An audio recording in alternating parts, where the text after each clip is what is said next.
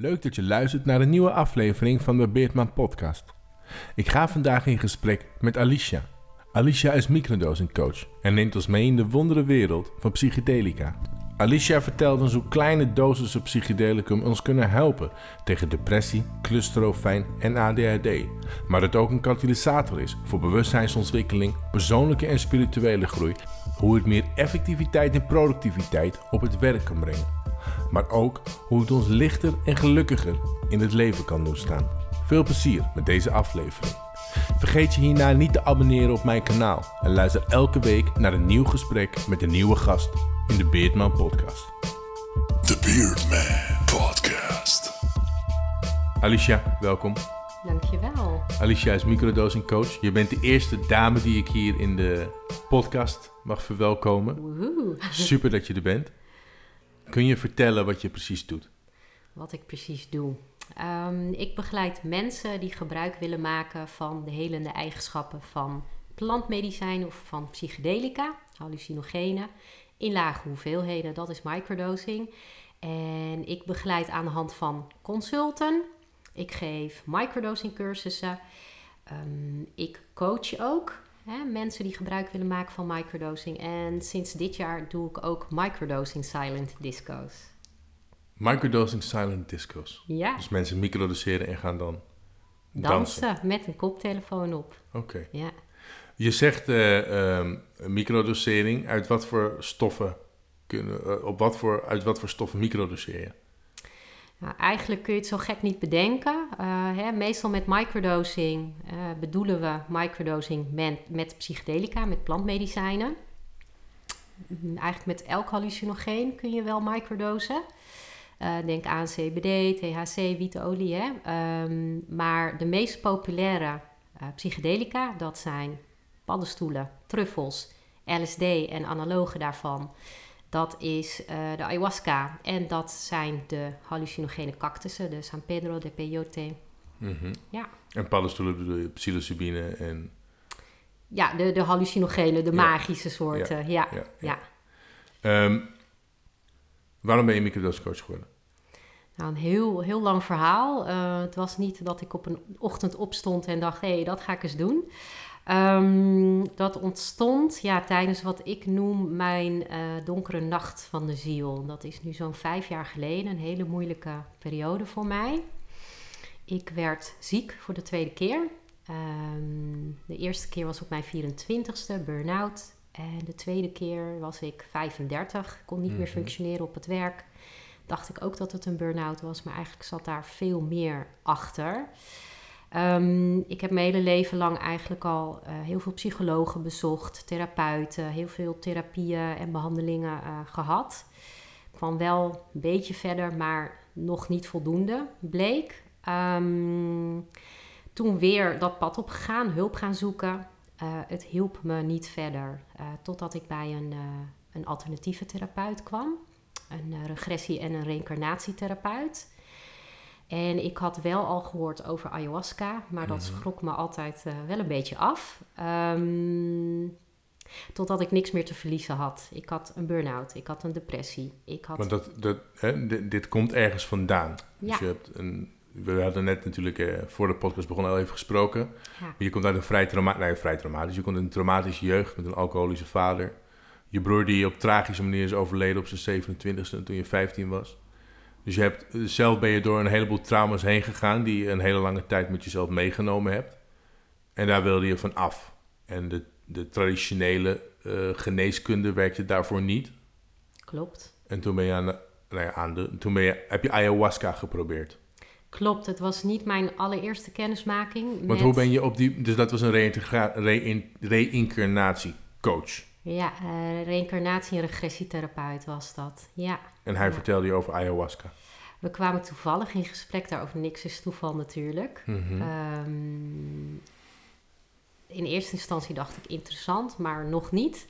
Pas na een aantal maanden toen het eigenlijk nog slechter met mij ging. Want eh, voor het eerst bij die therapeut kwa- kwam ik echt bij mijn trauma's. Eh, had ik eh, dat verdrongen herinneringen weer naar boven Hoe, kwamen. hoe, hoe, hoe zorgde hij dat je daar weer bij kwam? Eh, hoe zorgde hij daarvoor? Hele goede vraag door. Ehm, ja, Hij brengt je in een soort van trance. Je bent er eh, nog volledig bij, je hebt volledig de controle, maar je gaat ook terug naar bepaalde situaties en door middel van bepaalde vragen die hij stelt, kom je tot een stukje eh, onderbewustzijn, waar dus jouw herinneringen zijn Mhm. opgeslagen.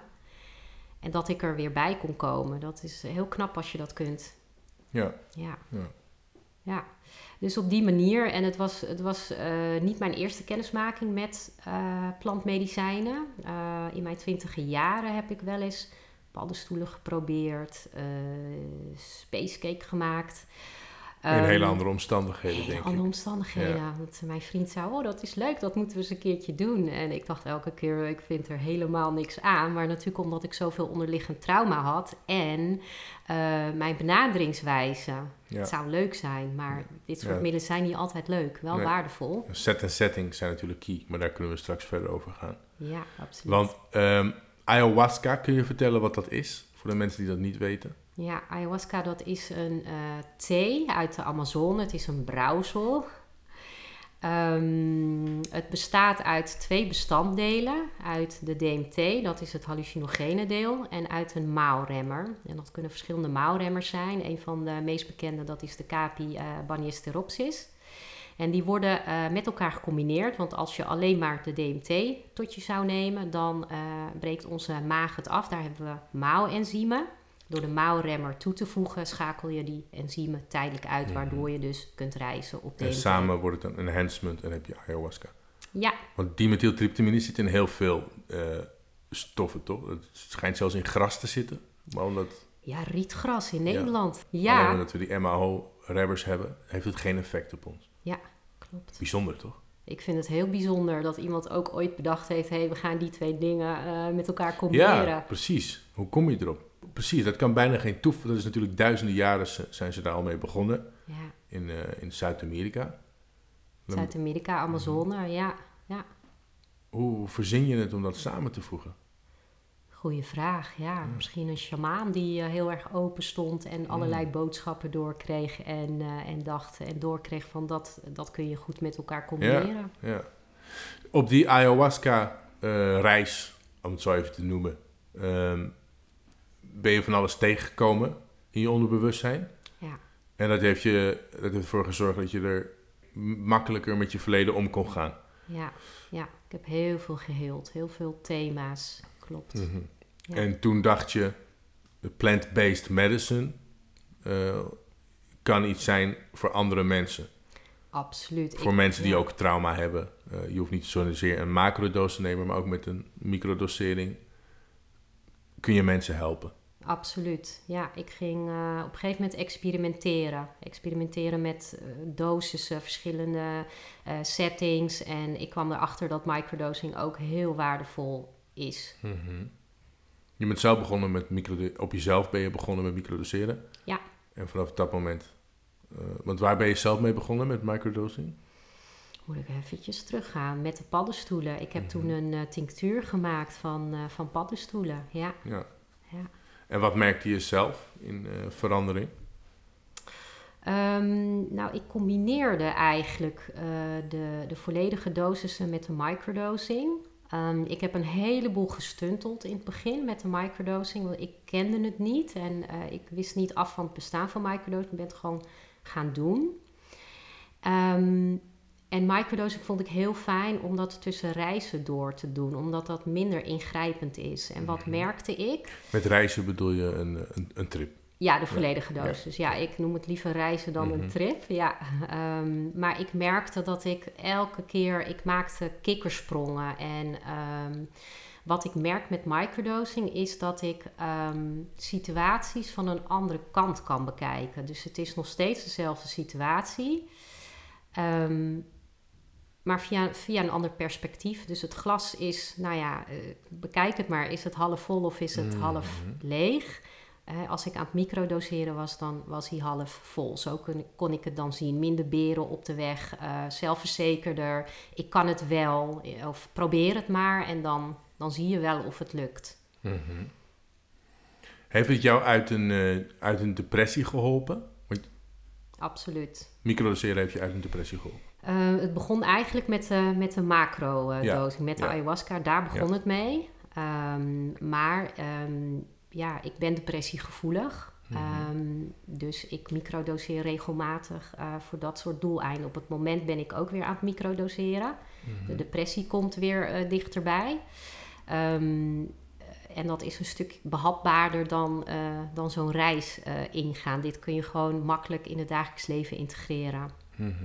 En waar microdoseer je dan nu zelf mee? Op het moment met de capi van de ayahuasca. Mhm. Oké. Ja. En alleen de capi, dus zonder het DMT, Ja. is ook een werkzaam middel. Ja, zeker. Ehm, de DMT toevoegen heeft niet zoveel zin in Mhm. microdosing vorm, omdat het te weinig is. En de mouwremmer, de capi in dit geval, is een ontzettend mooie plant teacher van zichzelf. Het is een natuurlijk antidepressivum, hartopener, eh, ontspanner en ehm, ja, Want er zijn natuurlijk verschillende middelen eh, die je kunt eh microdoseren. Je hebt LSD.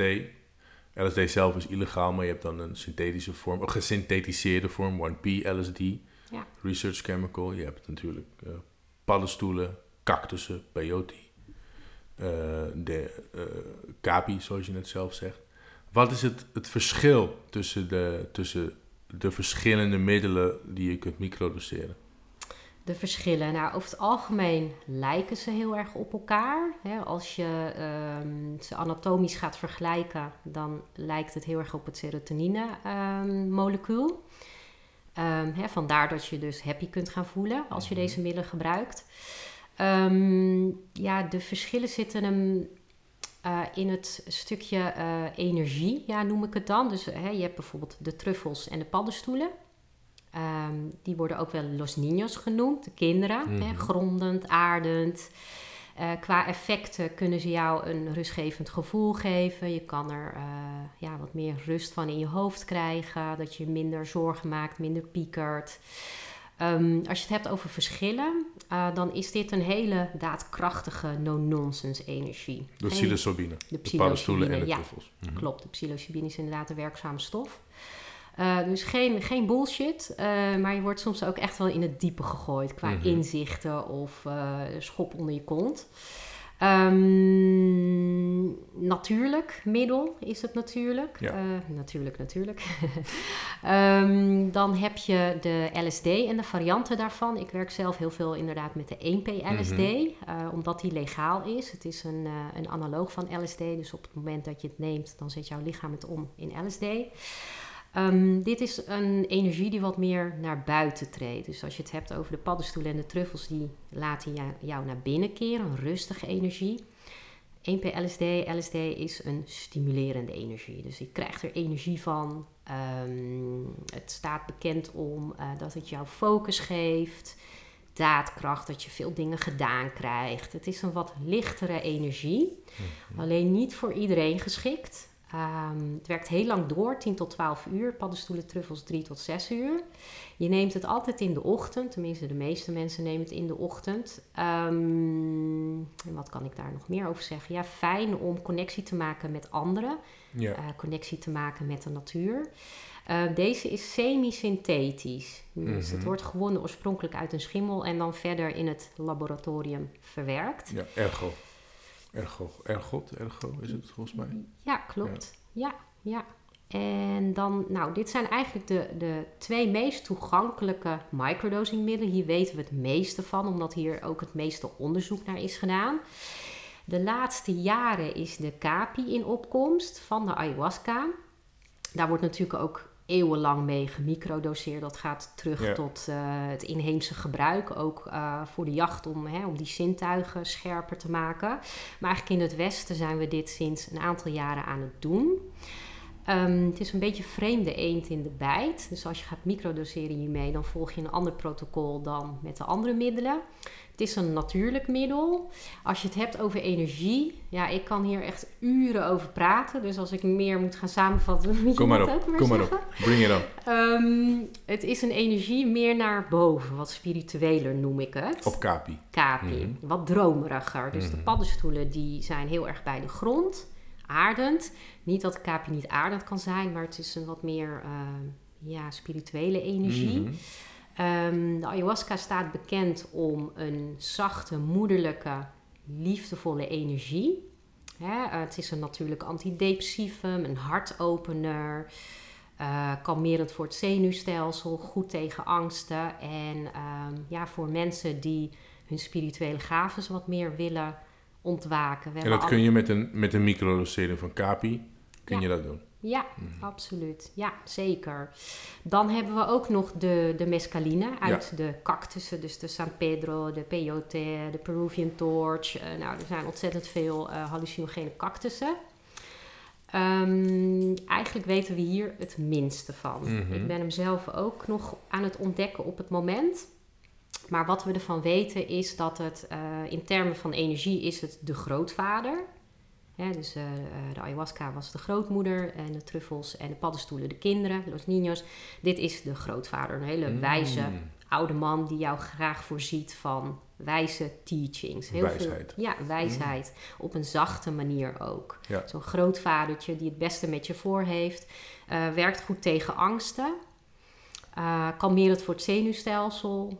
En eh, ja, wat ik ervan weet is een hele filosofische energie. Laat je nadenken over ja, van- leven. het leven, Ja. zingeving, dat soort dingen. Ik heb die laatste nog nooit geprobeerd. Cacti. Ook eh, ayahuasca heb ik. En DMT ook nog niet eerder geprobeerd. Zowel macro als microdoseren niet. Eh 1P, LSD en psilocybine wel. En ik denk dat voor mij het verschil in, in, met psilocybine en, en eh 1P, LSD is vooral inderdaad wat je zegt. Dat je met paddenstoelen wat meer geaardheid, wat meer symbiose met natuur hebt. En met alles om je heen. Je voelt je meer eh, verbonden met alles en iedereen. En het haalt bepaalde oordeelfilters weg. Veroordelingsfilters weg. Dus op het moment dat je met iemand praat, dan heb ik het gevoel dat je veel minder oordeelt. Dat je veel oprechter en beter naar iemand kunt luisteren. Ja, En One PLSD is, wat ik toen gemerkt heb, is veel meer eh, als je concentratie. Dus het, verbetert je concentratie en je kunt echt heel lang en heel diep eh, op iets ingaan. Zonder, dus heel daadkrachtig. Nou heb ik het allebei, op allebei de middelen wel, dat ik heel daadkrachtig ervan word.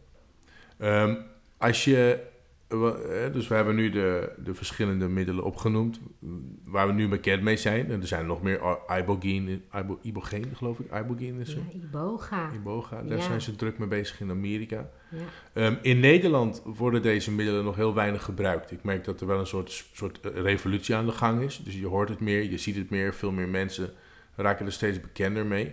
Maar er is toch een bepaald taboe op het gebruik van macro- en microdosering van eh, psychedelica. Wat is het vooroordeel wat je veel hoort op eh, psychedelica?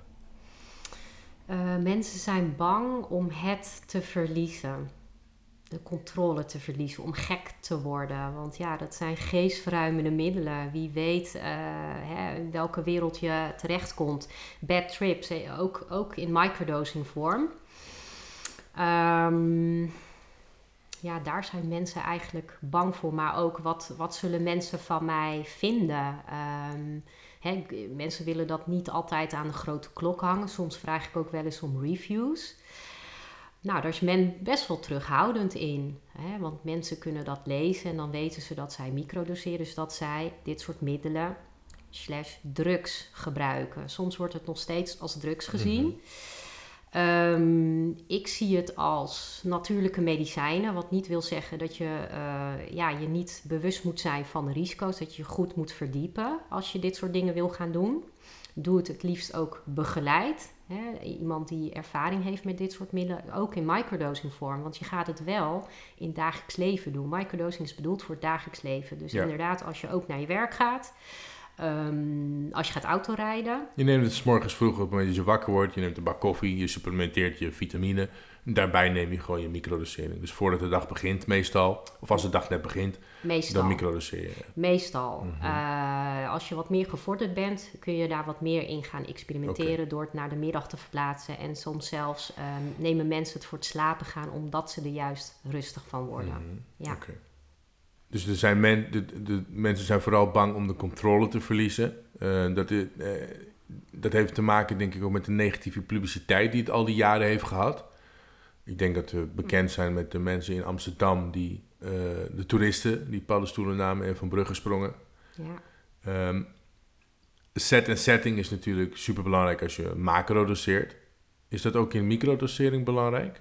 Absoluut. Mhm. Ja, dat is niet anders als je dit soort middelen neemt. Dus je hebt de dosis, is eh, een hele belangrijke factor, set en setting. Dus ehm, ja, je setting, eh, dat is waar je het neemt. Eh, ja, ik kan me voorstellen, zeker de eerste paar keren, mensen nemen dat liever gewoon thuis. Dus niet op het werk. Hè, dat je ehm, kunt kijken wat voor effect het op jou heeft. Dat je ook de dosis goed kunt uittesten. Sommige mensen vinden het fijn als ik erbij ben dat ze het nemen. Ehm, ja, de set. ehm, ja, dat hangt ook van je eigen mindset af natuurlijk. Van hoe, hoe kijk jij aan tegen dit soort middelen? Want alles wat jij, wat jij neemt, hè, dat versterkt jouw eigen eh, gevoelens en emoties. En dat is niet anders met microdosing. Met microdosing is het behapbaarder. Maar dan nog, er worden bepaalde dingen aangezet. Dus als jij al met angst eh, aan zo'n avontuur begint, ja, dan kan het zijn dat dat aangezet wordt. Mhm. Het versterkt je emotie. Ja. Wat, ehm, met wat voor klachten komen mensen vooral bij jou? Nou, Ik zie eigenlijk twee verschillende eh, stromingen. Dat zijn mensen die inderdaad erg last van hebben. Dus dat zijn, momenteel zijn het heel veel mensen met depressieve klachten. En die depressies komen voort uit COVID. Niet alleen. Het zijn mensen die al nou, tientallen jaren antidepressiva slikken Mm. en die van de antidepressiva af willen. En die bij mij komen voor hulp. Dus die zie ik heel veel. Eh, dat zijn heel veel verschillende mensen, maar mensen met clusterhoofdpijn, mensen met verslavingen, eh, mensen met burn-out, mensen met eh, posttraumatische stressstoornis, mensen met angstklachten, ehm, zelfs mensen met kanker of die kanker gehad hebben. Ehm, nou, dat is aan de ene kant zijn dat mensen die ergens last van hebben. Aan de andere kant ehm, heb ik mensen die eh, nergens last van hebben, of in ieder geval niet last hebben van een, een aandoening. Dat zijn mensen die nieuwsgierig zijn. Eh, Ja. Die hebben eh, iets gelezen hierover of op Netflix een documentaire gezien. Ehm, dat zijn mensen die bezig zijn met hun persoonlijke en spirituele ontwikkeling. En ja, meer stappen daarin willen zetten. En je vertelt net eh, een, hele, een heel eh, rijtje aan eh, welvaartsproblematiek. Dus depressie, ehm, onder andere depressie. En die mensen gebruiken nu natuurlijk antidepressanten. Ehm, en een antidepressant is een, wat ik denk, is een symptoombestrijding. Dus het haalt niet je, de kern van dat wat je op dat moment voelt weg, maar het nampt alles. Het verdooft je emotie. Ehm, en de farmaceutische industrie is natuurlijk bij gebaat om mensen zo lang mogelijk aan medicatie te houden. Want het levert natuurlijk een heleboel geld op. Ik denk dat, dat eh, psilocybine, microdosering en überhaupt eh, psychedelica daar een enorme rol in kunnen spelen. Ehm, hoe denk jij dat jij dat kunt veranderen? Mensen zullen denken, ik neem een antidepressant, dat werkt. Ik voel me daar niet vervelend, niet kut door, maar ook niet beter. Ehm, hoe sta jij daarin? Hoe ik daarin sta. Ehm, nou, allereerst, eh, ik ben niet tegen synthetische antidepressiva. Nou, er zijn natuurlijk ook een heleboel goede dingen aan, dus inderdaad. Ja, ja, maar ik, ik snap wel wat je bedoelt en ik zie dat ook in mijn praktijk. Eh, de meeste mensen eh, die bij mij komen, die aan de antidepressiva zijn, die be- beamen wat jij zegt. Het is symptoomonderdrukking. Ehm, hè, ze voelen zich afgevlakt. Eh, dus de antidepressiva helpen niet om, om zichzelf beter te voelen. En daarnaast kunnen ze ook nog eh, heel veel last hebben van andere lichamelijke klachten. Je gaat niet naar de oorzaak van je probleem. Hè? En in mijn ervaring, als jij een probleem hebt en je lost dat niet voldoende op, dan blijft dat thema bij jou terugkomen. Eh, en hoe ik denk daar tegen op te boksen, ehm, ik hoef daar niet tegen op te boksen. Eh, de mensen vinden mij als dat de bedoeling is. Ehm, ik zie op het moment wel een ontzettende golfbeweging. Ehm, ik denk dat dat met bewustzijn te maken heeft. Ehm, ik heb op het moment ontzettend veel mensen die echt al tientallen jaren aan die antidepressiva zitten. Veel vrouwen, maar ook mannen. Vrouwen die na een geboorte antidepressiva eh, voorgeschreven krijgen, omdat ze een postnatale depressie hebben. Hun kinderen zijn al in de twintig. En er is nooit een arts geweest eh, die met hun is mee gaan kijken. Of misschien heeft gezegd: hé, hey, laten we kijken eh, of dat nog wel aan de orde is voor jou. En die daar dan zelf mee komen. Heel veel mensen die eh, er toch tegenaan lopen tegen het afbouwen. Uh, ja, afbouwen is best wel moeilijk. We weten er eigenlijk nog te weinig van.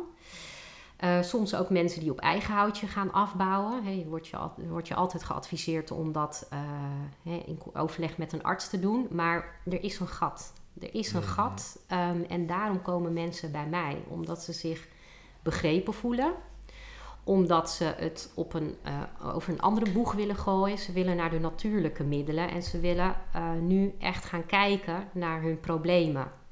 En als je dit gaat doen, um, het, is, het is geen magic pill. Het is geen makkelijke weg, maar wel heel waardevol. Um, en de microdosing, die mag je uh, gebruiken de volledige dosissen daarvan niet. Die zijn uit den boze. dus als je onder behandeling bent van antidepressant, bijvoorbeeld, antidepressiva, dan mag je wel microdoseren, maar je mag niet macrodoseren. Klopt. Waarom is dat? Omdat uh, anti, de meeste antidepressiva werken op de serotonine-receptoren. Uh, zo werken uh, hè, de plantmedicijnen psychedelica ook. Dus dat betekent dat die receptoren bezet gehouden worden. Dus dat je een overschot aan serotonine krijgt. En dat kan heel gevaarlijk zijn. Dat kan leiden tot het serotonine-syndroom. En wat is dat serotonine-syndroom? ik durf het je niet uit te leggen in exacte wetenschappelijke termen. Maar wat ik wel weet is als je een overschot hebt, kan het heel gevaarlijk zijn. Kan het zelfs tot de dood leiden. Mm. Dus altijd heel voorzichtig daarin zijn. Uh, mocht je microdosing willen uitproberen, doe dat dan ook het liefst uh, hè, onder begeleiding. Van een coach zoals jij? Ja. ja. ja. En denk je dat, uh, want we hebben het nu over antidep uh, antidepressiva, mensen die antidepressiva gebruiken. Gaat dat dan in overleg met een huisarts bijvoorbeeld? Dus stel je voor dat iemand depressief, die depressief is, depressief is um, en die wil gaan microdoseren om af, bijvoorbeeld medicatie af te bouwen. Ook gaan ze dan in overleg met een huisarts? Idealiter doe je dat in overleg met een arts. Mhm. hè, dus of een huisarts, of, maar nog beter met een psychiater. Mhm. Hè, degene die jou uh, die medicijnen heeft voorgeschreven. Uh, dat is het, het meest ideale pad. Um, ik krijg ook heel vaak vragen van... hey, mijn huisarts of mijn psychiater weet te weinig van deze middelen. Dus die lopen dan tegen een, uh, een muur aan. Dat precies, want je hebt natuurlijk te maken met een individu. En op het moment dat je een huisarts hebt die daar tegen is, gaat hij je daar niet in ondersteunen, denk ik. En, dat zou kunnen. En de, de kennis is natuurlijk niet overal. Uh, er is niet overal kennis. Dus niet alle psychologen, psychiaters of huisartsen hebben de kennis die jij bijvoorbeeld hebt. Klopt. En nou moet ik zeggen dat mijn kennis ook beperkt is. In die zin van, ik ben geen arts. Dus op dat gebied ben Mhm. ik niet geschoold. Um, en het begint ook wel steeds meer te komen hoor. Ik heb vorig jaar een, um, een, een, programma gevolgd van de Mind Foundation, uh, die onderzoek doet uh, naar psychedelica. Daar zat, ik, uh, daar zat ik samen met psychologen, met psychotherapeuten. Er zat een huisarts tussen. Dus het begint wel steeds meer te komen. Mm -hmm. Gelukkig. Ja, dus ook de medische wereld krijgt er nu steeds meer hoogte van. Want je hebt verschillende sti je hebt Stichting Open, dat is de, een, de Open Foundation. Die doet heel veel uh, research naar, naar, naar, deze middelen. En dan niet alleen psilocybine en, en andere uh, psychedelica, maar ook MDMA. Met ketamine zijn ze bijvoorbeeld heel ver. In Amerika wordt er al heel veel mee gewerkt. Ik geloof dat het niet eens meer een verboden middel is op dit moment, maar dat het door artsen en ziekenhuizen gebruikt mag worden. Voor mensen met onder andere depressief, de, anti, of met depressieve klachten of PTSS. Of, Klopt. Um, want hoe gaat dat in zijn werk? Iemand heeft PTSS of, of een andere aandoening en die mensen weten jou dan te vinden. Ze sturen jou een berichtje. En vanaf dat moment nodig jij mensen uit? Of hoe, uh, hoe gaat dat verder in zijn werk dan? Ja, als ze dat willen. Um, er zijn verschillende mogelijkheden. De meeste komen op consult, hè, eenmalig consult. En dan uh, screen ik ze. Ik kijk ook van, uh, is, dit, is microdosing op dit moment het meest geschikte middel voor jou? Oké. Okay. Ik kijk naar medicijngebruik. Ik kijk ook naar contra-indicaties. als mensen een angststoornis hebben, schizofrenie of psychose gevoelig zijn, dan ja, is dat eigenlijk een keiharde no-go op dit moment. Ook, um, ook voor microdosering? Ja, okay. ja, ja. En uh, ik kijk naar hun achtergrond, um, waar ze staan op dit moment. Ik kijk naar waarom ze willen microdoseren. Dan rolt daar een microdosingmiddel uit en dan kijk ik samen met hun van wat is het meest geschikte protocol voor jou op dit moment. Uh, met welke dosering begin je en hoe bouw je dat op? Ehm, nou, naar dat soort dingen kijk ik. Hè. Dus als mensen bij mij weggaan, dan weten ze hoe ze dat moeten opstarten. Dat doen ze dan uh, thuis. Uh, gaan ze zelfstandig aan de slag. Dan kunnen mensen uh, ook nog terugkomen bij mij als ze dat willen. de microdosing aan zich geeft echt al een enorme duw in de goede richting. maar sommige mensen die willen nog terugkomen omdat ze tegen bepaalde thema's aanlopen of nog Mhm. verder hun intentie willen uitdiepen. Nou, dan bied ik een stukje coaching. Sommige mensen die vinden het fijn om, uh, om meer te weten te komen over microdosing en om het in groepsverband te doen. Um, en ook um, om een stokje achter de deur te hebben. Dat je aan de gang blijft met de integratie. Want die is heel belangrijk bij microdosing. Dus daarvoor heb ik een, een cursus. Ik ben afgelopen zaterdag weer met een nieuwe cursus begonnen. Um, dat is een microdosing met truffels uh, cursus, vier weken lang. En daar zitten ook meditaties bij, um, mm-hmm. nou ja, allerlei dingen. En dan krijg je ook vier weken lang begeleiding van mij. Dus dat is een mogelijkheid. En op het moment ben ik aan het nadenken over een programma met de CAPI. Een uh, programma voor mensen met depressie. Ik merk Um, nou, dat daar een ontzettend veel vraag naar is, behoefte aan is. Um, en vaak volgen mensen dan een consult bij mij. Maar ik ben aan het nadenken over een traject daarna. Ja, dus na... Um, na het consult. Na het consult. En na het, neem, na het nuttigen van die uh, microdoseringen. Ja. Want dat is een van de belangrijkste dingen. Denk, klopt dat? Dus op het moment dat je dat gebruikt hebt, ook met macrodosering is het zo dat op het moment dat je dat gedaan hebt, dat het heel belangrijk is hoe je de dagen daarna ermee omgaat. Dus dat je erover nadenkt of dat je erover praat. Klopt, dat Ja. je er actief mee aan de slag gaat. Dus dat heet de, de integratiefase. Mhm. Dat weten we eigenlijk ook sinds een aantal jaar, of tenminste sinds een aantal jaar zijn we ons daar zelf bewuster van. Ook aanbieders van, eh, van ceremonies met de volledige dosis eh, Mhm. beginnen daar steeds meer aandacht voor te hebben. Ehm, want het is tenslotte, het is niet een, een magic pill. Je neemt het en dan ga je automatisch beter voelen. Ehm, maar hoe meer effort jij erin stopt, hoe beter. En Mhm. dan heb je het over dingen als eh, mindfulness. En je hebt heel veel verschillende soorten mindfulness. De meest bekende zijn natuurlijk yoga en meditatie. Maar mindfulness is ook gewoon ergens heel bewust bij stilstaan in het hier en nu. Mindfulness kan ook zijn eh, kunst maken, creatief bezig zijn, wandelen in de natuur kan ook heel mindful zijn. Als je maar die tools integreert in je leven en je er heel actief mee bezig bent, wat, wat jouw doel is met de microdosing. Mhm. En Dus al- de intentie. Ja, de intentie, dat, dat is eigenlijk wat je, wat je uit de microdosing wil halen. Elke keer als jij de microdosing eh, neemt, dan zeg je ook in jezelf een intentie op. Mhm. Ja. Maar, maar dus stel je voor, ehm, ik, ik ben depressief. Ik, ik, ik voel me niet goed. Dan microdoseer ik en is het dan zo dat ik dan tegen mezelf moet zeggen, ik wil me, niet, ik wil me goed voelen? Of moet je meer naar de, naar de kern van dat wat het probleem is gaan? Want het is natuurlijk heel algemeen, iedereen wil zich goed voelen. Tuurlijk. Is dat dan een goede intentie, denk je? Dat, dat kan een intentie zijn. Mhm. Een intentie eh, is gebaseerd op gevoel. Het is niet zozeer een doel. Zo hè, iemand met antidepressiva die zegt van ik wil van mijn antidepressiva af. Mhm. Maar het is meer hoe wil jij je voelen. En voor sommigen is dat inderdaad een intentie. Ik wil gelukkig zijn. Een intentie is idealiter is hij positief geformuleerd, actief. En als je hem helemaal goed wil doen volgens de NLP-principes, alsof Mhm. het al zo is. Dus dan Ja. heb je extra manifestatiekracht. Dus zo iemand zou kunnen zeggen: Ik ben gelukkig. En natuurlijk is die heel algemeen, die intentie, maar het gaat erom hoe jij je wil voelen. En uiteindelijk ga je die vanzelf wel uitdiepen hoor, in de praktijk. Van Ja. wat houdt dat dan in en wanneer voel ik me gelukkig? Wat zijn mijn triggers als ik depressief ben? Vaak hebben depressieve mensen te maken met een stukje schaamte, een stukje schuldgevoel. Ook durf het niet te vertellen dat ik depressief ben. Wat zullen mensen niet van me denken? Nou ja, hè, van, van de microdosing krijg je dan allerlei eh, tools aangereikt, waardoor je wat zekerder gaat voelen. Je gaat je, idealiter ga je je beter voelen. Dat hoeft niet altijd zo te zijn. Dat denken mensen wel. Ehm, Je krijgt ook meer inzichten. Je krijgt inzichten, ja, zeker. Maar dat is natuurlijk ook wat jij erin stopt, krijg jij terug. Als je vervolgens verder daar niet mee bezig bent, ja, dan blijft hij op een gegeven moment ook steken.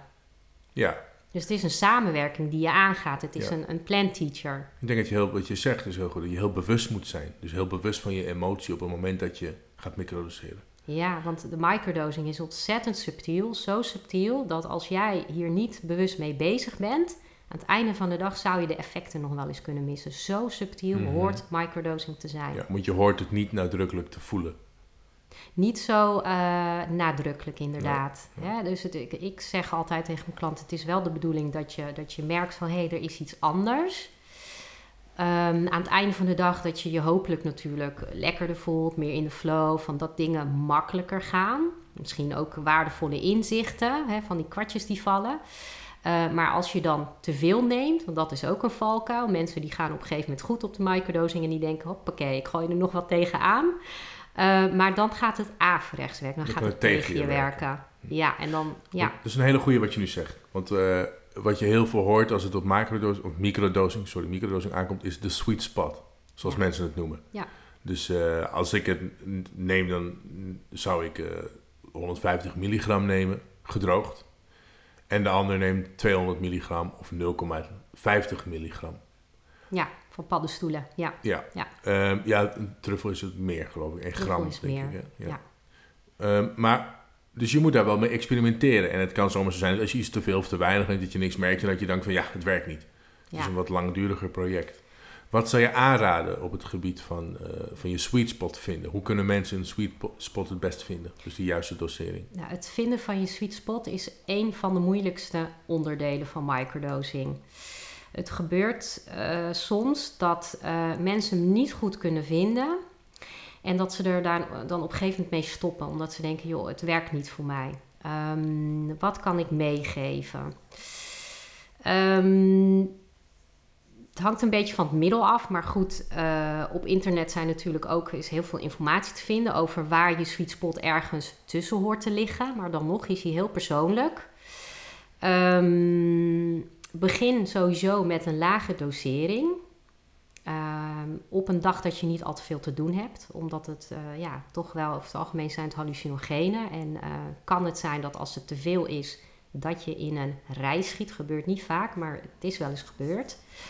Ehm, En, en is jouw eh, advies om het op lege maag te nemen Ja. of op volle maag? Nou, altijd op lege maag. Hè. Ehm, eh, ik raad altijd aan als je beginnend bent, neem het altijd in de ochtend. Op Mhm. nuchtere maag, zodat je heel goed overdag de effecten kunt monitoren. Ehm, het is ook heel erg afhankelijk van, heb je ergens last van wat je dosis is? Heb je ergens last van bijvoorbeeld mensen met depressie, met ADD, ADHD, mensen met dwangstoornissen? Over het algemeen hebben eh, dat soort mensen wat meer nodig. Hè? Mhm. Meer, meer dan een, een gemiddelde andere dosis. Nou, ik zeg het verkeerd. Meer dan een, een gemiddeld persoon. Ehm, het heeft ook te maken met jouw eigen beschermingsmechanisme. We hebben allemaal eh, een soort, soort van beschermingsmechanisme, een laagje uit zelfbescherming dat je dat eh, om je heen bouwt. Ehm, daar heeft het mee te maken. Ben je man of vrouw? Over het algemeen hebben mannen wat meer nodig dan vrouwen. Het zou zwaarder zijn. Ja, slik je medicijnen. Daar moet je ook heel goed op letten. Over het algemeen, als je medicijnen slikt, eh, dan heb je ook wat meer nodig dan een ander. Ehm, Maar moet, zou je aanraden aan mensen die medicijnen slikken om het altijd te doen in overleg met, met een arts of niet zomaar Ja. te gaan aankloten? Ja, sowieso. Mhm. Sowieso. Ja, en, en eh, te gaan microdosen eh, onder begeleiding van eh, een ervaren microdosing coach of Ja. therapeut. Die kijkt altijd even met je mee welke medicijnen slik je. En zeker als je combinaties slikt, daar kunnen ook maalremmers tussen zitten. Mm, Tussen de medicijnen en kruiden ook trouwens, passiebloem. En natuurlijk ga- gaat het om lage hoeveelheden, maar als je dingen gaat stapelen, dan, eh, dan zou het kunnen zijn dat het gevaarlijk gaat worden. Ja. Ja. Ja. Ja. Wat ik nog meer kan aanraden, eh, hou altijd een dagboekje bij. Elke dag. In het begin ook schrijf daar je, sweet, of je, je dosis in op. Mhm. Eh, wat je daarvan gemerkt hebt gedurende de dag. Ehm, heel veel mensen eh, die vinden het fijn om begeleid te worden bij dit onderdeel. Ik merk over het algemeen dat mensen sneller hun sweet spot vinden als ze bij mij geweest zijn. Wa- Waarom denk je dat dat zo is? Omdat ik ze concrete tips geef. Ehm, de sweet spot is een oefening in bij je gevoel komen. Mhm. je moet heel goed voelen van wat gaat er in me om. Ehm, en ehm, ja, waarom vinden ze dat sneller? Omdat ze eh, ook altijd bij mij eventjes kunnen aankloppen. Hè, ik vertel ze sowieso. Voelen ze wat zekerder. Ze voelen zich wat zekerder. Ze hebben van mij al tips gehad van eh, hè, als je te weinig neemt, dan voelt het zo. Als je op je drempel zit, dan ervaar je eh idealiter de, de effecten van dat middel, de voordelen op een subtiele manier. En wat voel je dan als je te veel neemt? En in Mhm. theorie eh, vertel ik dat, maar in de praktijk is dat nog altijd heel erg lastig. Want wat, wat, wat voelen mensen als, als je te weinig neemt, dan denk je dat je ni- ni- niet veel ervan voelt. Dat is best wel te verklaren. Maar wat voelen mensen als je te veel voelt, doet- neemt? Wat gebeurt er dan? Dat hangt een beetje Wat kan van er het- gebeuren? Ja, wat kan er gebeuren? Hangt een beetje van het middel af. Kijk, bij de capi zul je niet zo snel de hallucinogene effect ervaren, want dat is een maalremmer. Dan moet je echt heel veel nemen daarvan. Dus die is er relatief veilig op dat gebied. Ehm, ja. Ehm, wat voel je? Een stukje apathie.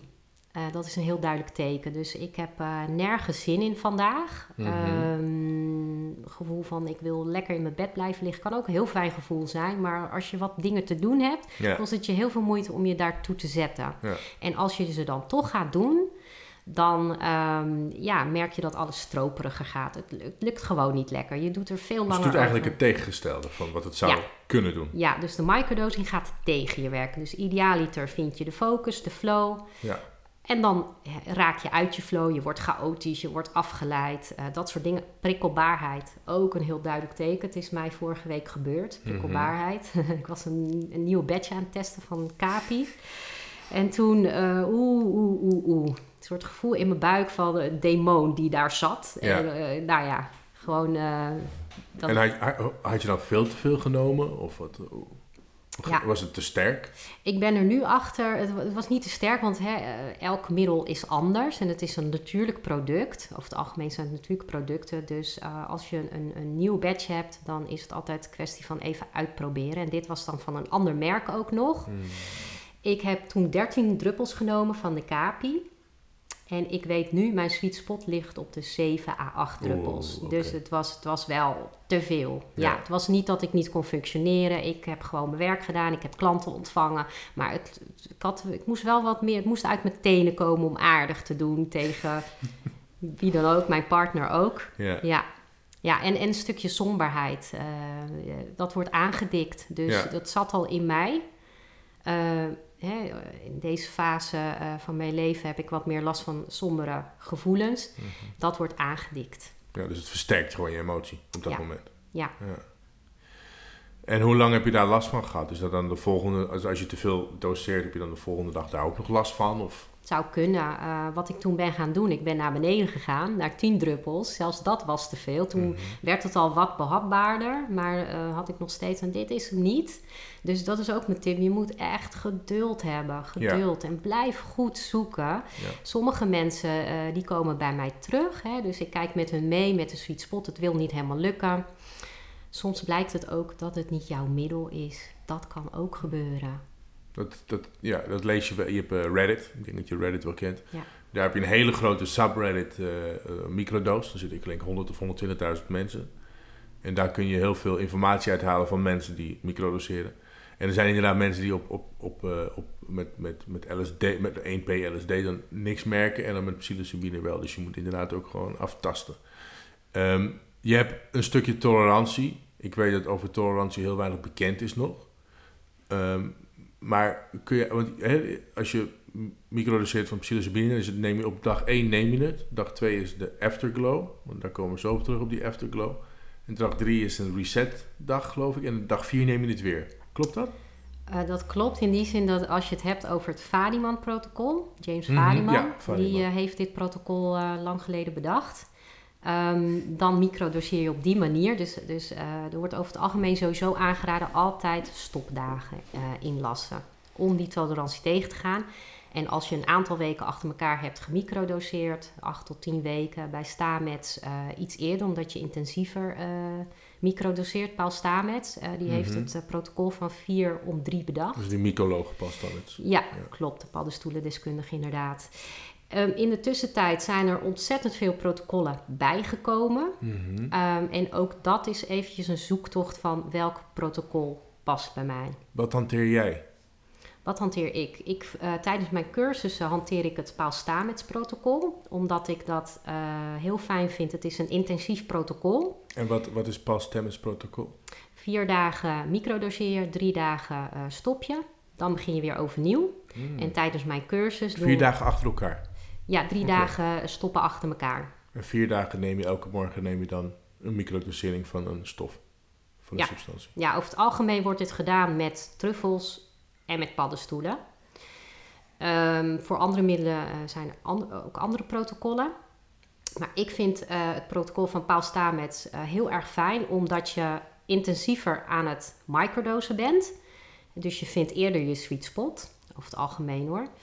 Ehm, en mijn gevoel, maar dat is nergens wetenschappelijk op gebaseerd, mijn gevoel zegt eh, dat je, ehm, ja, wa- wat microdosing doet, is dat jij eh, bepaalde hersenverbinding opent. Mhm.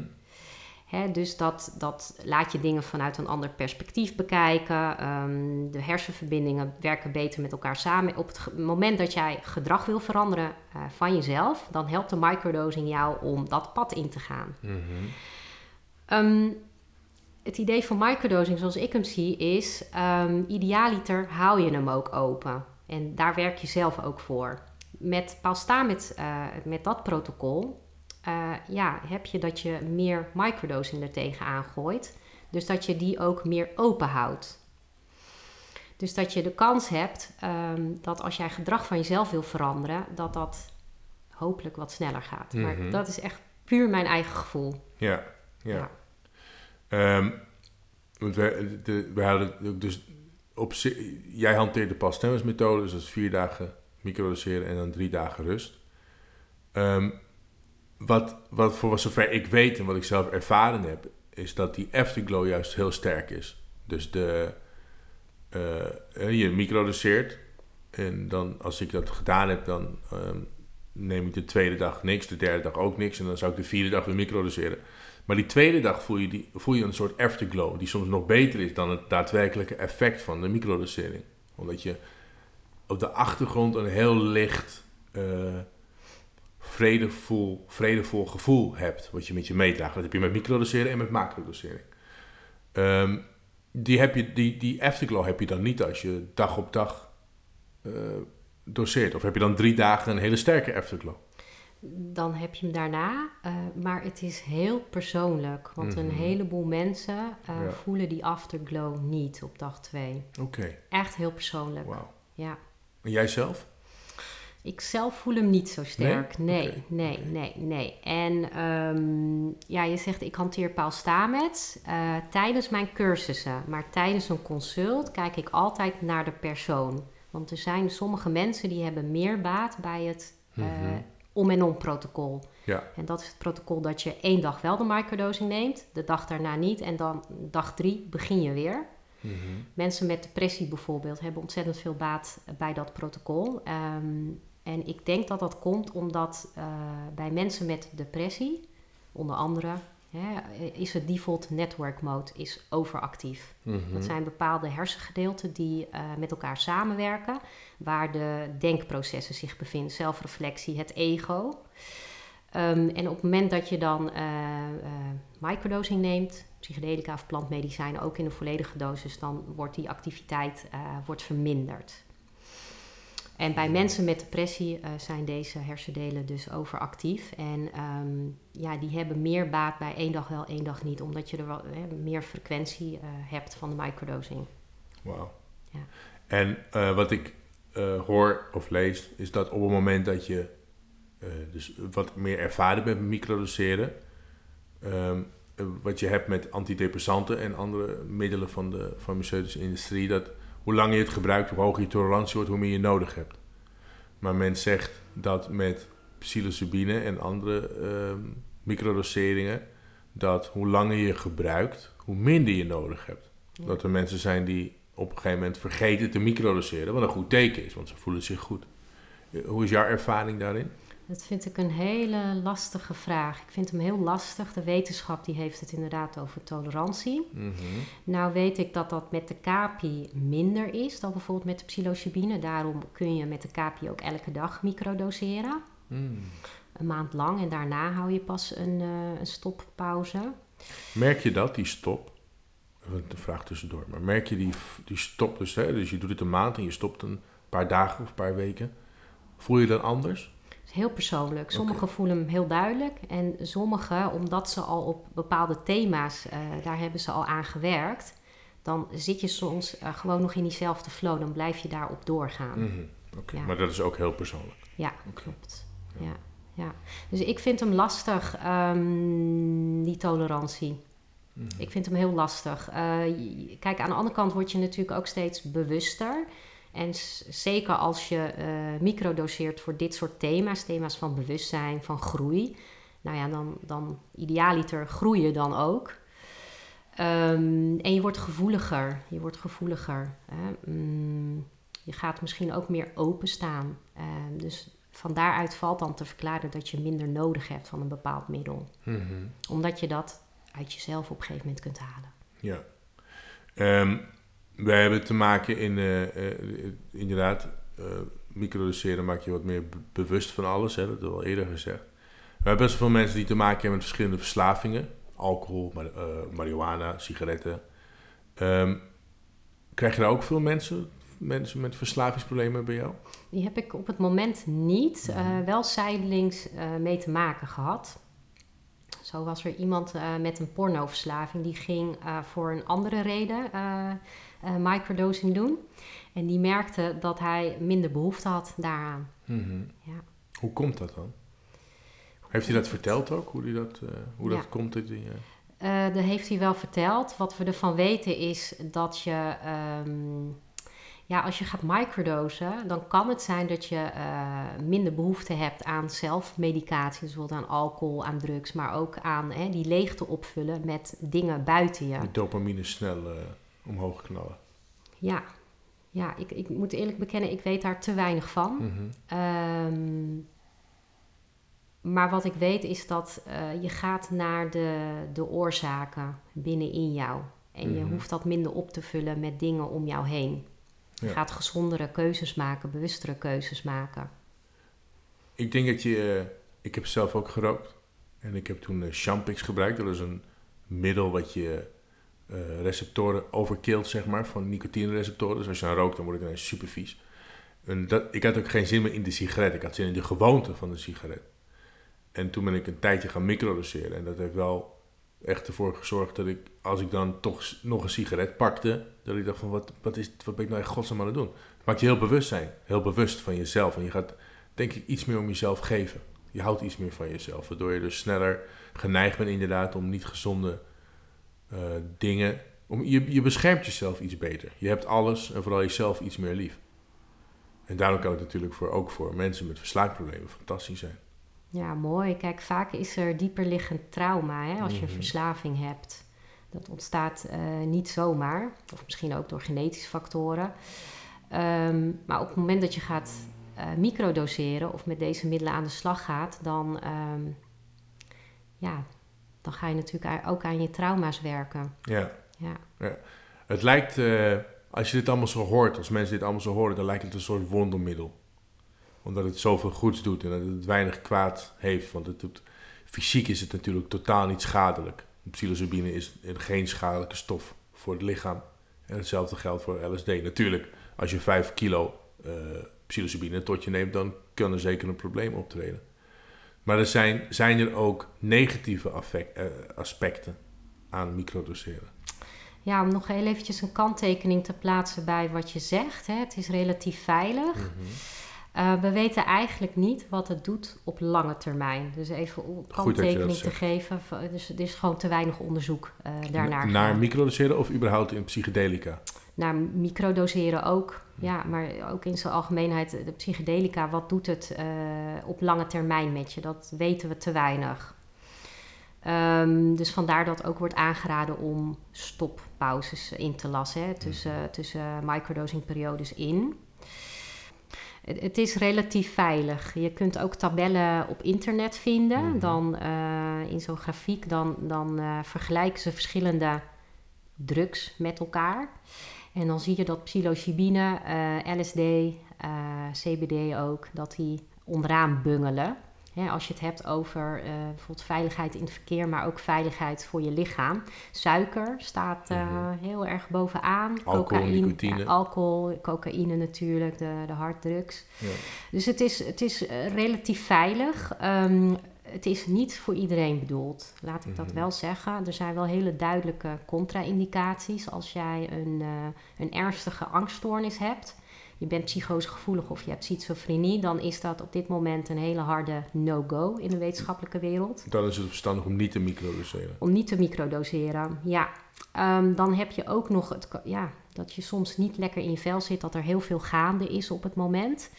Ehm, microdosing versterkt wat in jou is. Dus dan kun je zelf afvragen van is het verstandig voor mij op dit moment? Ehm, of misschien uit zelfzorg is het verstandiger om het misschien op een ander moment te doen.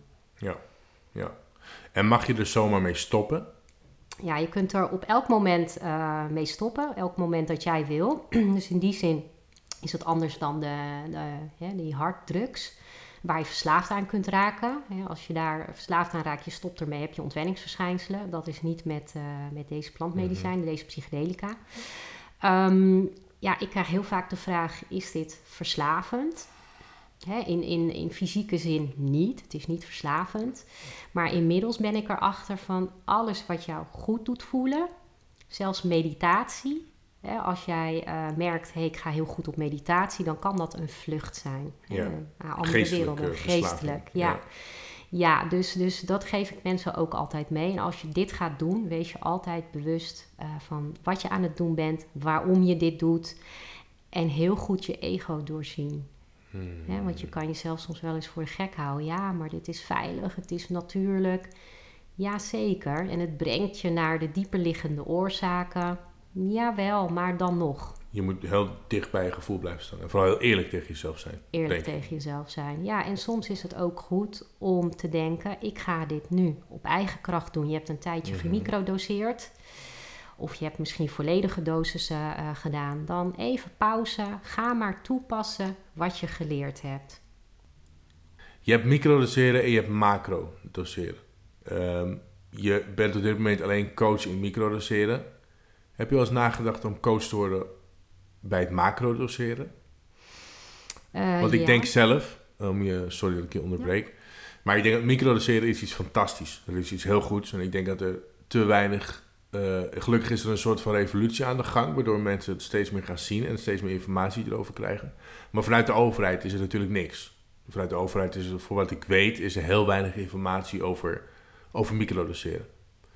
Eh, maar macrodoseren kan nog veel meer teweeg brengen. En net zoals wat je zegt, het is, eh, het is wat je eruit meeneemt. Dus je doet dat en dan moet je er wel een lering uittrekken. En dat geldt ook voor macrodoseren. Macrodoseren kan je een transcendente ervaring geven. En dat, dat de trip, eh, dus het, nee, de reis, zoals jij dat zo mooi noemt, dat dat zeker tot een van de vijf mooiste momenten, dus bij, bij een groot deel tot één van de vijf mooiste momenten van hun leven behoort. Dat zegt wel iets, dat is iets heel krachtigs. En ik denk dat je zeker met macrodoseren, omdat je je, je kutkant tegenkomt en ook je goede kant, maar ook heel erg je slechte dingen. Er wordt een spiegel voorgehouden als je dat in een goede set en setting doet. Maar heb je daar wel eens over nagedacht om, om mensen ook op die reis te, te begeleiden? Ja, en ik, ga je wat vertellen. Eh, dat heb ik ook Primeur. gedaan. Oh. ja, ik heb het gedaan, Ja. ja. Ehm, begeleid op, eh, op truffels. En wat was dan de dosis die mensen namen? Dus als we gaan microdoseren, nemen we 1 gram verse truffels. En als eh, je mensen begeleidt tijdens een eh, reis, of een, Dat verschilt heel erg per persoon. Eh, ook van medicijngebruik bijvoorbeeld. Mhm. Ehm, maar dat, laten we zeggen, dat zit ergens tussen, nou, laten we zeggen 15 gram tot 20 gram Ja. verse eh, ja, truffels. Dus een flinke dosis. flinke voor een goede reis. Ik heb Ja. ook wel eens mensen gehad die het spannend vonden, dus die bij mij kwamen en dan hadden we een lagere dosis. Je kunt Mhm. het ook opbouwen, want jij zegt je hebt microdosing en je hebt macrodosing, maar je hebt ook alles wat daartussenin Mhm. zit. Je hebt Ja. ook de festivaldosis, concertdosis, eh, noem maar op. Dus dat is ook mogelijk. Eh, wat ik ook al doe op het gebied van microdosing is mensen eh, voorbereiden op een reis. Als ze zoiets hebben van, nou, ik wil goed voorbereid eh, naar een reis toe gaan. Hè, mensen doen het voor het eerst, vinden het spannend. Of soms eh, mensen die een bad trip hebben gehad. Mhm. Dan kunnen ze daar een stukje eh, begeleiding in krijgen. En ook na afloop, een stukje En integratie. hoe bereid je mensen dan voor? Dat hangt heel erg af van wa- wat is hun intentie. Oké. Hè? Maar er zijn sowieso hele algemene tips. Die kan je ook vinden op internet. Bereid je goed voor. Dat kun je doen door bijvoorbeeld een dieet. Nou is dat bij ayahuasca belangrijker dan bij andere uh, midden bij de paddenstoelen en Een truffels. De, bij ayahuasca hoor je een dieet te volgen. Ja, Voordat je dat doet? ja zeker. Want er zijn een aantal eh, ja, voedingsmiddelen die gaan niet goed samen met, eh, Mm. met de ayahuasca. Ja, dus... eh, En dan maar- gaan mensen overgeven of zo, want dat hoor je wel eens. Overgeven kan ook heel gevaarlijk zijn. eh, in het kader van ook eh serotonine-syndroom. Sowieso als je aan de antidepressiva bent, is het een no-go, Hmm. ayahuasca. Maar er zijn ook gefermenteerd voedsel, bijvoorbeeld zuurkool, oude kazen. Dan kun je daar inderdaad hoofdpijn van krijgen. Dat moet je niet eten voor je Nee, ayahuasca gaat. Niet eten. En de ene aanbieder is strenger dan de ander. Sommigen zeggen ook geen zout eten. Hè? Mhm. Hoe puurder je daar naartoe gaat, hoe beter.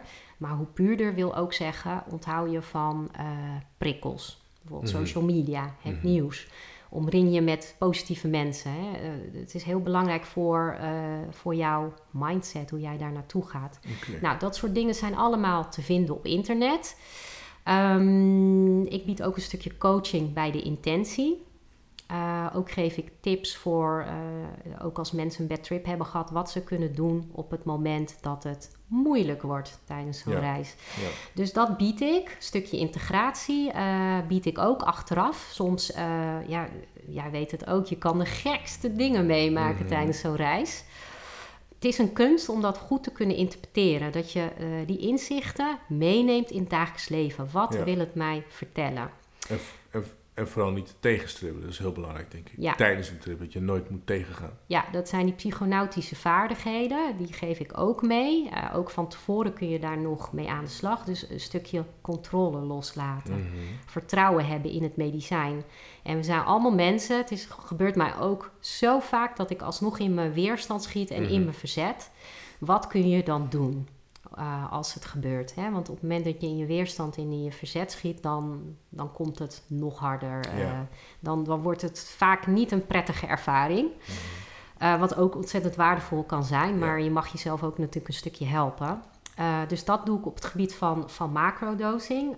Wat ik zie is dat microdosing en macrodosing ontzettend goed werken in combinatie met elkaar. Dus dat mensen dit ook gaan combineren. Eén keer in de zoveel tijd eh, doen ze een, een reis Ja. hè, op een volledige dosis. En ze gebruiken de microdosing daarna als integratiemiddel. Moet je dan... eh, Oké, dus dan integreer je de macrodosis met de microdosis. Ja, die Oh, combineer je. Ja, zeker. Ehm, en jij stelde mij de vraag eh, van wil je niet meer gaan doen op dat Mhm. gebied? Dat is shaman. Shaman Ja. Alicia. Ja, ik vind, ik, ik vind hem heel interessant. Heel, ehm, hij, ik, voel, ik voel dat ik aan mijn jasje word getrokken. Mhm. Ik voel hem. Eh, ik vind de ayahuasca ontzettend eh, interessant ook. Ja. Naast de paddenstoelen en de truffels. Ehm, mijn wens is om op reis te gaan. Mhm. Naar, op wereldreis naar verschillende eh, volkeren. En inheemse volkeren. Zuid-Amerikaanse. Ook. Een beetje als Wasson, Gordon Wasson. Ja, naar, de, naar de. Amazone. Ja, een Wauw. heleboel ook hier in het Westen. ehm, zijn een heleboel mensen die daar naartoe gaan. Ik ben even zijn naam kwijt. Ehm, boek geschreven, eh Wichert, Wichert Meerman. Hij heeft ook een boek geschreven Die, heeft over ook, zijn die is ook naar. Zuid-Amerika gegaan om daar... eh, Ja. Ja, dus die voorbeelden zijn dichtbij. Maar ik zou graag over de hele wereld willen trekken. Ook naar Zuid-Afrika heb je ook eh, prachtige ja. inheemse Oh, medicijnen. Ja.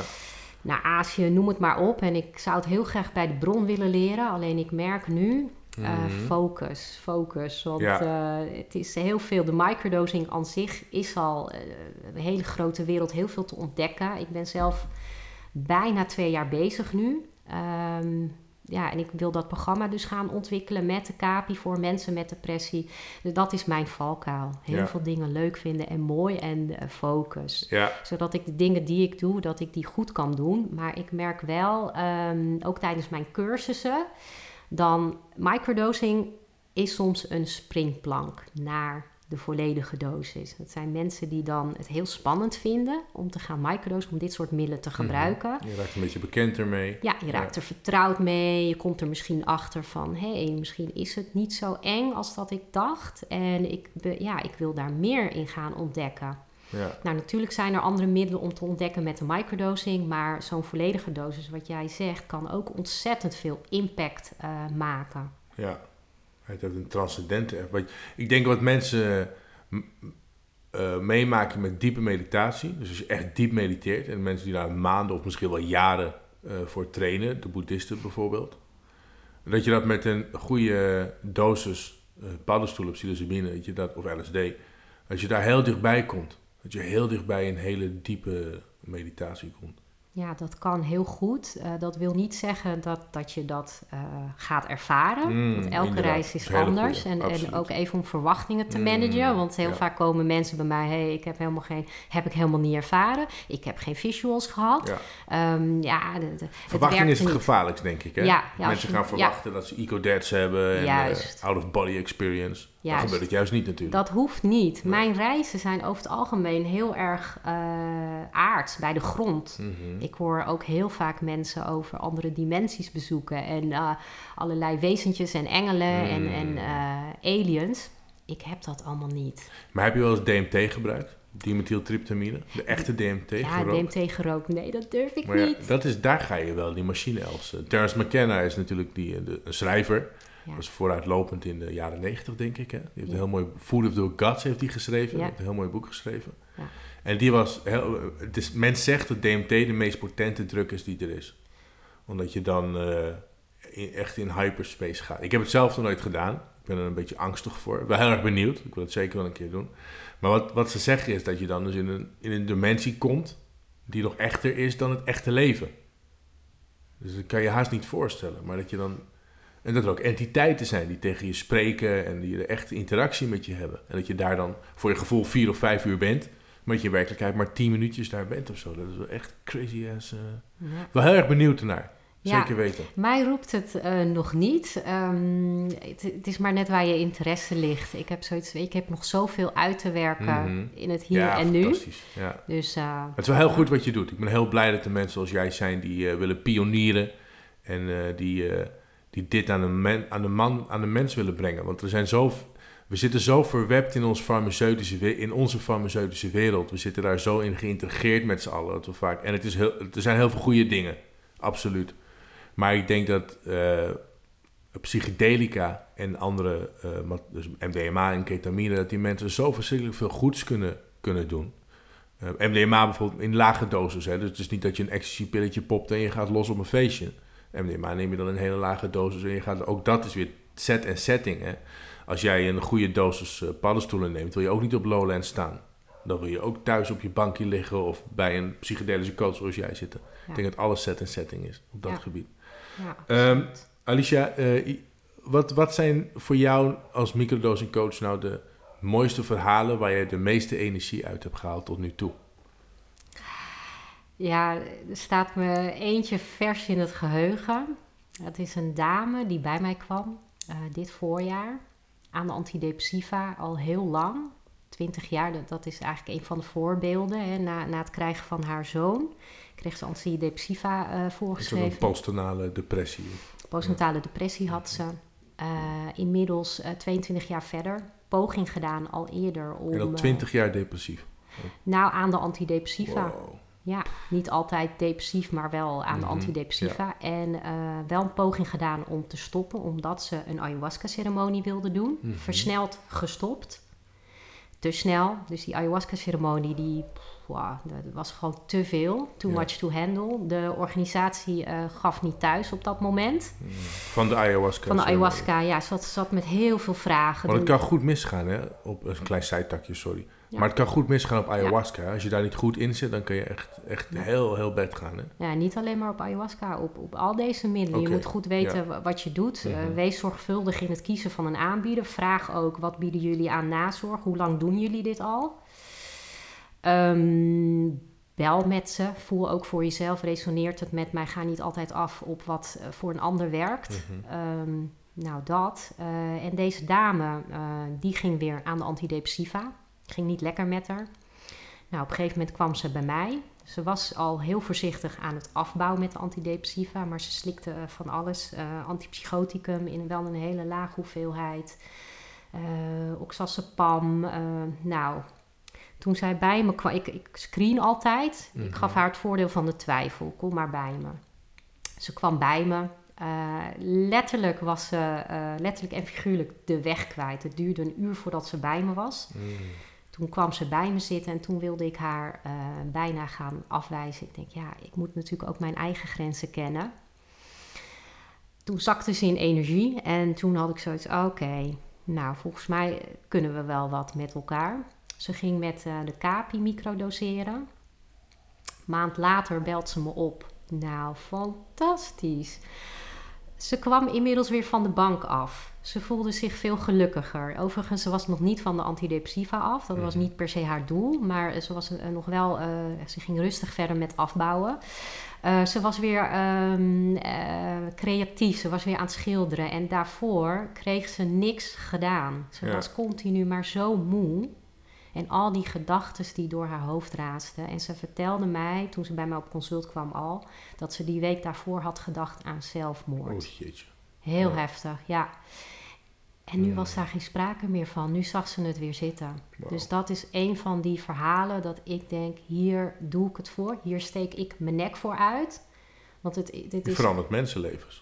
Ja, je verandert mensenleven. Maar alleen als zij dat ook zelf willen. Hè? Dus ik ben slechts een pion. Dus Ja. je, je, je wilt het of je wilt het niet. Er zijn ook mensen die, die zeggen, nou weet je, dit is niet het pad voor mij. Dat is ook helemaal prima. Maar als je het wel aandurft, Nee, Nou. jij, bent de, jij geeft ze de handvatten om... eh, ja, uiteindelijk moet je het zelf doen. ja, Maar ik, ik begeleid daarin, ik gids daarin met wat ik weet. ja, super. En dat vind ik echt prachtig.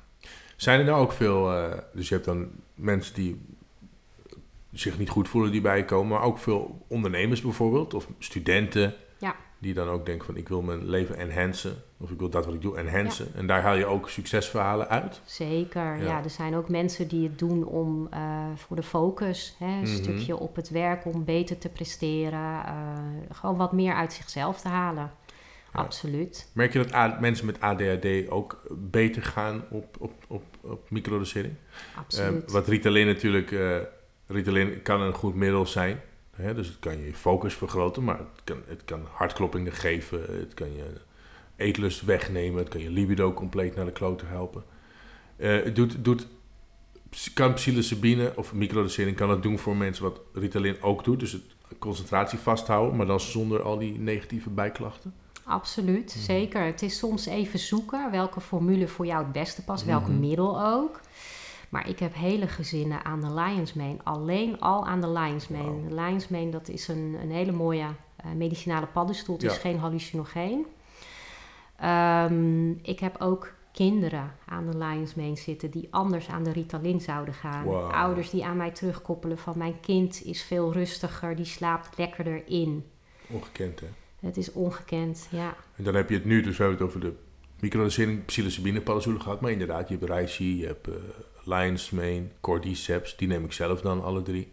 En dat, dat doet ook iets met je. Ik bedoel, eh, cordyceps geeft me echt, echt energie.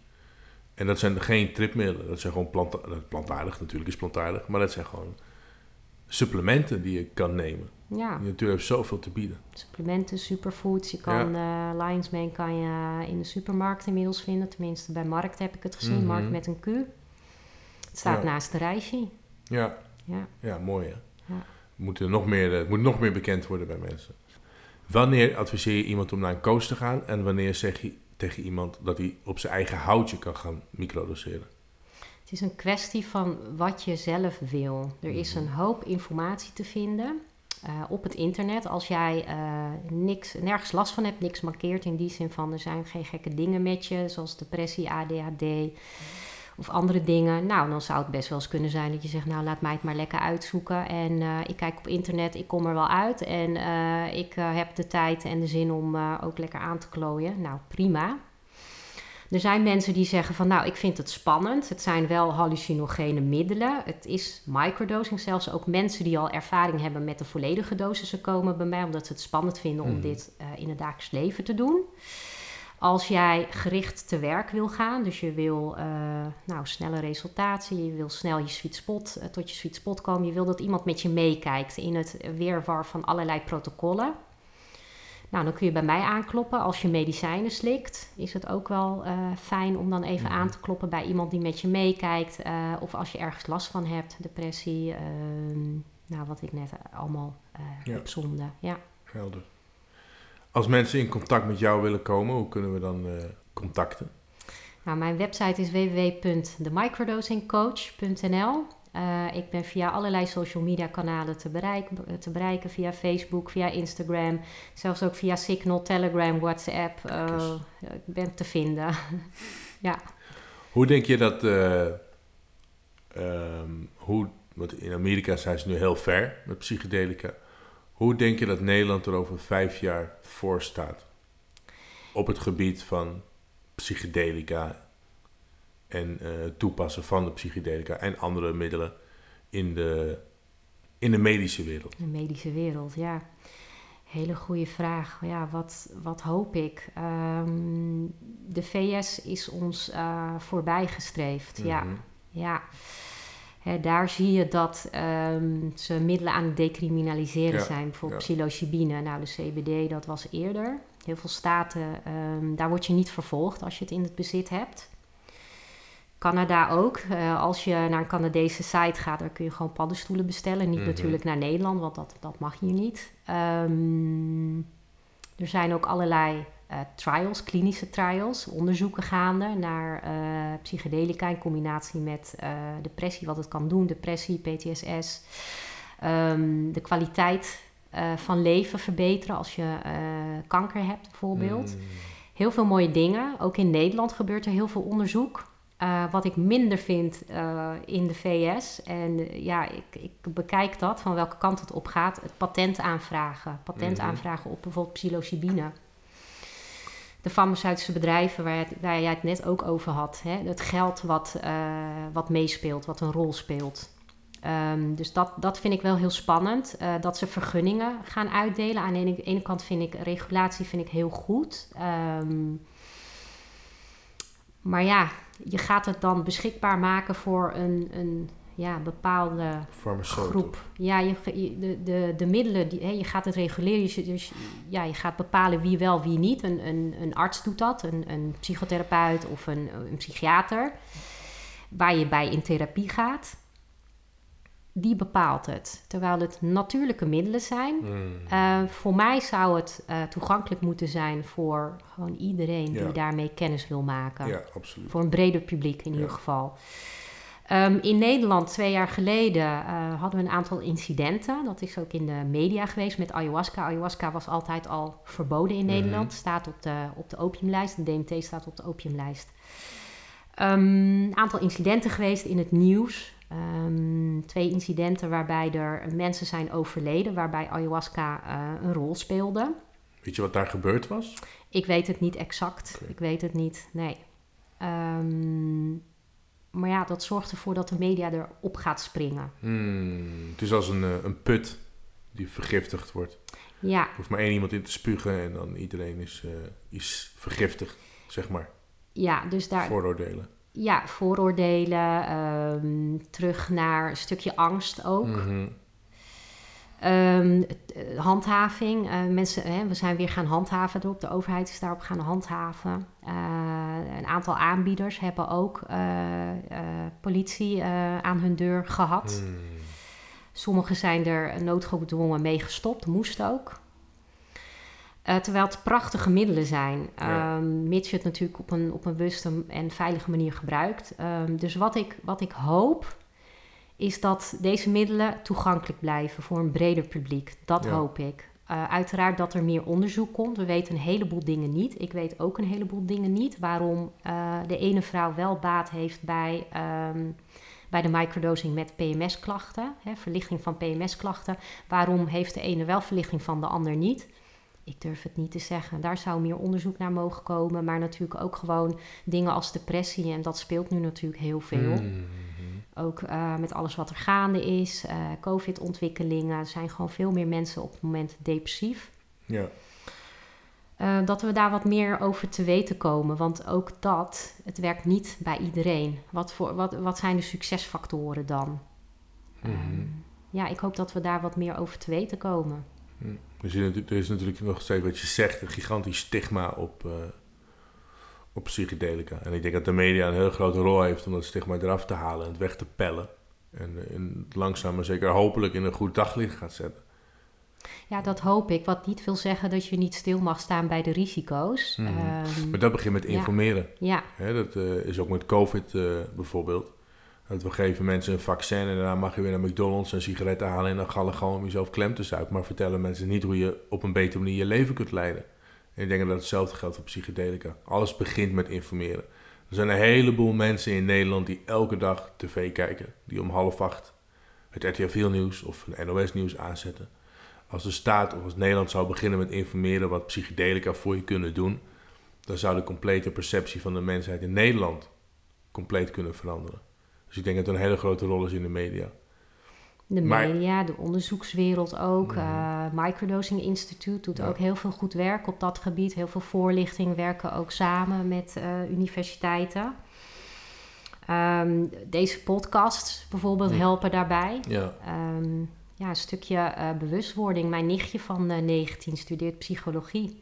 Die vroeg Ja. mij ook, hey, hoe zit dat nou? En eh, ook vanuit haar ouders. En oh, oh, oh, kijk uit met die middelen. Mhm. Ehm, maar ja, het kan natuurlijk ook een prachtig medicijn zijn. Waarom zou je het jezelf niet gunnen? Hè? Omdat Ja. wij op een bepaalde manier geprogrammeerd zijn. Drugs zijn gevaarlijk. Mhm. Kijk daarmee Ja, uit. dat komt vanuit de media. Dat we zo geprogrammeerd zijn natuurlijk. Ja, In de jaren 60, 70, Nixon. Die daarmee begonnen is om te zeggen dat als je LSD gebruikt, dat je blind wordt bijvoorbeeld. Of, ja impotent, Ja. eh, wat dan ook. Ja. Ja. En dat is iets wat heel lang eh, al speelt. Maar nu wel, ik heb het gevoel dat het wel langzaam, maar zeker dat er wel een soort, wat we al eerder zeiden, dat er een- revolutie aan de gang is. Eh, als je ziet dat in Amerika, het was vroeger natuurlijk compleet de war on drugs, die heeft miljarden gekost, heeft niks opgeleverd. Maar dat begint nu wel steeds meer ervan af te gaan. En in Nederland, waar we natuurlijk gelukkig, waar de marihuana wel legaal is. En daarmee haal je al een beetje een soort van stigma weg van drugs. Hoewel er nog steeds heel veel mensen zijn die heel negatief zijn over ook marihuana. Mhm. Ehm, maar ik denk dat er wel een kleine, een soort revolutie aan de gang is. Dat denk ik ook. En ehm, ja, stel nou dat het voor jou zou kunnen werken. Waarom niet? Nou ja, precies. Dat is Waarom, waarom zou je jezelf ervan weerhouden Ja. omdat andere mensen zeggen het zijn drugs? Ja. Gewoon proberen. Maar inderdaad, door heel goed nadenken, weet wat je doet. En als je denkt dat je er niet klaar voor bent, dan eh, een coach in de hand nemen. Ja, goed voorbereid te werk gaan. Alicia, ik wil je bedanken voor je tijd. Ik, ehm, ik hoop dat we door dit gesprek eh, meer mensen hebben kunnen informeren over microdosering en over psychedelica. En ik, eh, ik wil je enorm bedanken dat je hier wilde zijn. En ik wil je enorm bedanken dat je de tijd, liefde en aandacht steekt in wat je doet. Want ik denk dat we een heleboel pioniers nodig hebben zoals jij om, om de revolutie die nu gaande is, om die in gang te houden. Dankjewel Alicia. Jij dankjewel. Dankjewel dat ik hier te gast mocht zijn. Als eerste vrouw ook. Primeur. En, en ook voor jouw werk, want dit is ook een belangrijk onderdeel. Ik doe het met alle liefde, zeker weten. En ik ook. Dankjewel. Dankjewel. The Beard Man.